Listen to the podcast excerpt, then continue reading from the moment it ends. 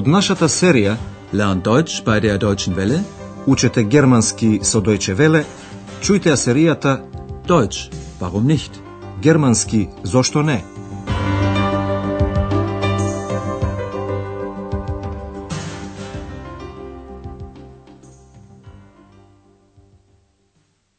Liebe Hörerinnen und Hörer. Добар ден, почитувани слушателки и слушатели нареде осмата лекција од првата серија под наслов Од каде доаѓаш? Во хеа комсту? Во последната лекција слушнавте дека екс студира и тоа ги студира луѓето. Чујте го овој дел на разговорот уште еднаш. При тоа обрнете внимание на второ лице еднина. Глаголскиот завршок е ст, а заменката е ти, ду. Was machst du hier? Was studierst du? Ich studiere Menschen. Aha, du studierst Menschen. А екс нагласува дека ги студира луѓето. Чујте го тоа уште еднаш и обрнете внимание на прво лице еднина. Глаголот завршува на е, а заменката е јас. Ich. Ja, ich mache Studien. Ich studiere Menschen. Екс му рече на Андреас дека главна одлика на луѓето е љубопитноста. Neugierig. Љубопитен. Der Mensch ist neugierig. Едно е сигурно, екс е лично љубопитен, што набргу ќе го слушнете. Денеска ќе чуете пет сцени што се одигруваат во салата за појадок во хотел Европа. На крајот на лекцијата ќе ви откриеме како екс дошол до Андреас. Да ги слушнеме најпрвен сцените во хотелот. Ќе се изненадите колку веќе разбирате. Замислете сала за појадок со маси. А сега првата случка. Што се случува? Кому му се случува? Guten Morgen. Guten Morgen. Morgen. Oh nein, Oh, warten Sie. Auweia! Alles kaputt. Danke. Vielen Dank. Das ist sehr freundlich. Sehr freundlich. Се слушна кршење чинии. Тоа и се случи на Хана, која исто така работи во Хотел Европа. Таа му се заблагодарува на љубезниот гостин кој помага во чистењето на скршените парчиња. Тоа е мощно љубезно од вас. Danke. Vielen Dank. Das ist sehr freundlich. А екс коментира стручно дека чиниите се искршени, капут. Kaputt.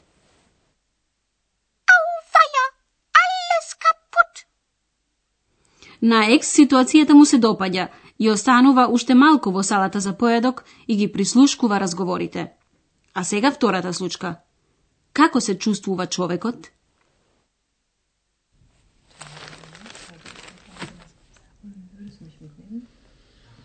Guten Morgen. Morgen. Tee oder Kaffee? Entschuldigen Sie, möchten Sie Tee oder Kaffee? Entschuldigung, ich bin noch sehr müde. Kaffee bitte. Во салата за поедок дојде човек кој што туку станал од спиење. Беше толку уморен што воопшто не слушна кога го праша дали сака чај или кафе. Tee oder Kaffee? Потоа порача кафе, кафе. Kaffee bitte. А сега третата случка. Што ќе стане?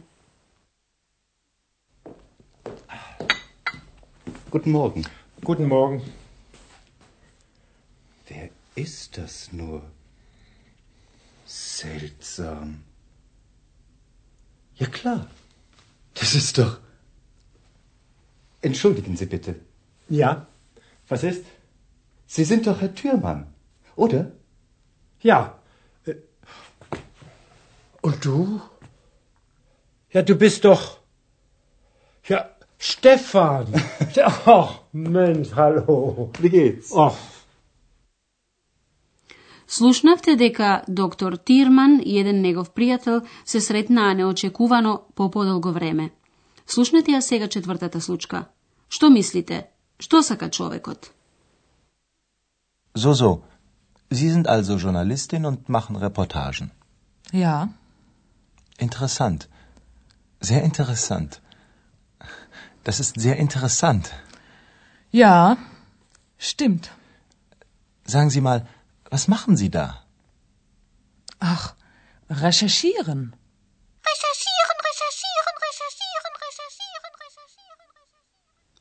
Очигледно дека еден помлад човек сака да влезе во разговор, меѓутоа жената бара да биде оставена намира. А сега да прејдеме на последната случка. Ganz gut, doch, wirklich. Und was machst du? Ich bin Studentin. Mhm. Und woher kommst du? Aus Augsburg. Echt? Ich auch. Was? Du kommst auch aus Augsburg? Се сретнаа две жени кои доаѓаат комен од Аугсбург. На средбата и се израдуваа и двете. Со прашањето од каде, воhea, прашуваме за потеклото. Екс тоа го слуша и се решава да го праша Андреас од каде доаѓа. На рецепцијата нема многу луѓе, па ќе може веднаш да го праша Андреас. Andreas, woher kommst du? Ich komme aus Köln. Und du? Woher kommst du? Ich? Ich ähm, komme aus. Ähm,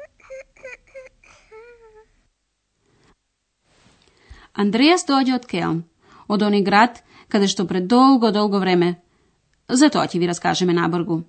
Може би забележавте дека Екс беше збунет откако Андреас го праша од каде доаѓа. Тој него намерно го праша, знаејќи дека ќе го збуни. Зошто? Веројатно ќе разберете ако накратко се вратиме назад во минатото и ви раскажеме како Андреас го запознал Екс. Тоа беше вака. Андреас седеше дома во својата студентска соба, читајќи една книга.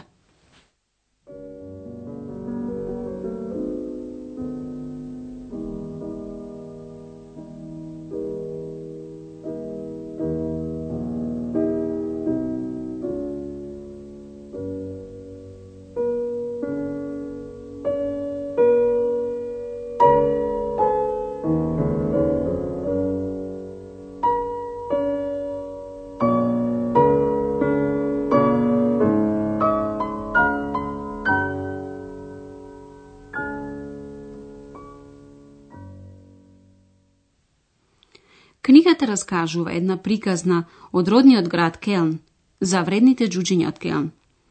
Тие секој пат доаѓаа навечер и им помагаа на занечиите во нивната работа. Додека занечиите спија, тие ја завршија нивната работа, довршувајќи ја катедралата во Келн, ги испекоа лебовите на лебарот, ја заклаа свињата на касапот, го сошија костумот на шивачот, за градоначалникот, кратко речено, тие беа вредни и омилени кај народот. Андреас воздишна длабоко читајќи ја книгата и си помисли, и јас би сакал една таква помош.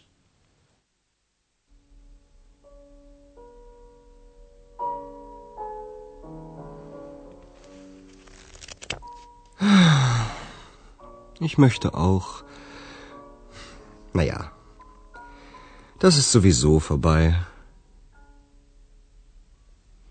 Андреас не беше ја изговорил желбата, кога ненадено слушна несекојдневен шум.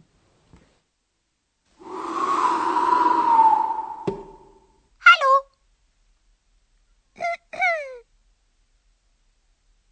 Hallo? Da bin ich.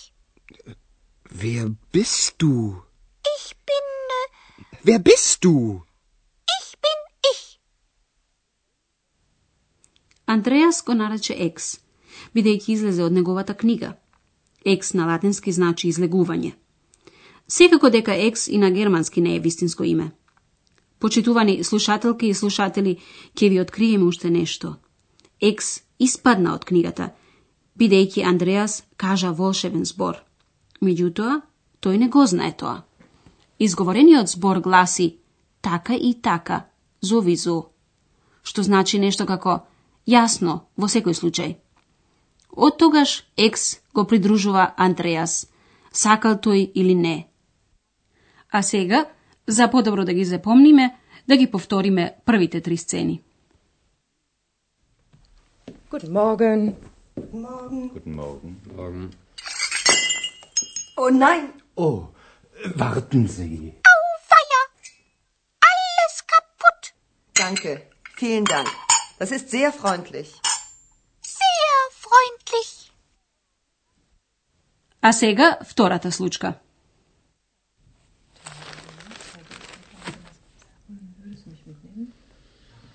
Guten Morgen. Morgen. Tee oder Kaffee? Entschuldigen Sie, möchten Sie Tee oder Kaffee? Entschuldigung, ich bin noch sehr müde. Kaffee bitte. А сега слушнете ја и третата случка. Guten Morgen. Guten Morgen. Ist das nur? Seltsam. Ja klar. Das ist doch. Entschuldigen Sie bitte. Ja, was ist? Sie sind doch Herr Türmann, oder? Ja. Äh, Und du? Ja, du bist doch. Ja, Stefan. Ach, Mensch, hallo. Wie geht's? Ach, Со ова ќе се простиме од вас. До слушање до наредната лекција. Sowieso. Тоа беше германски зошто не, радиоговорен курс на Херат Мезе во продукција на Дојче Веле и на Гетовиот институт од Минхен.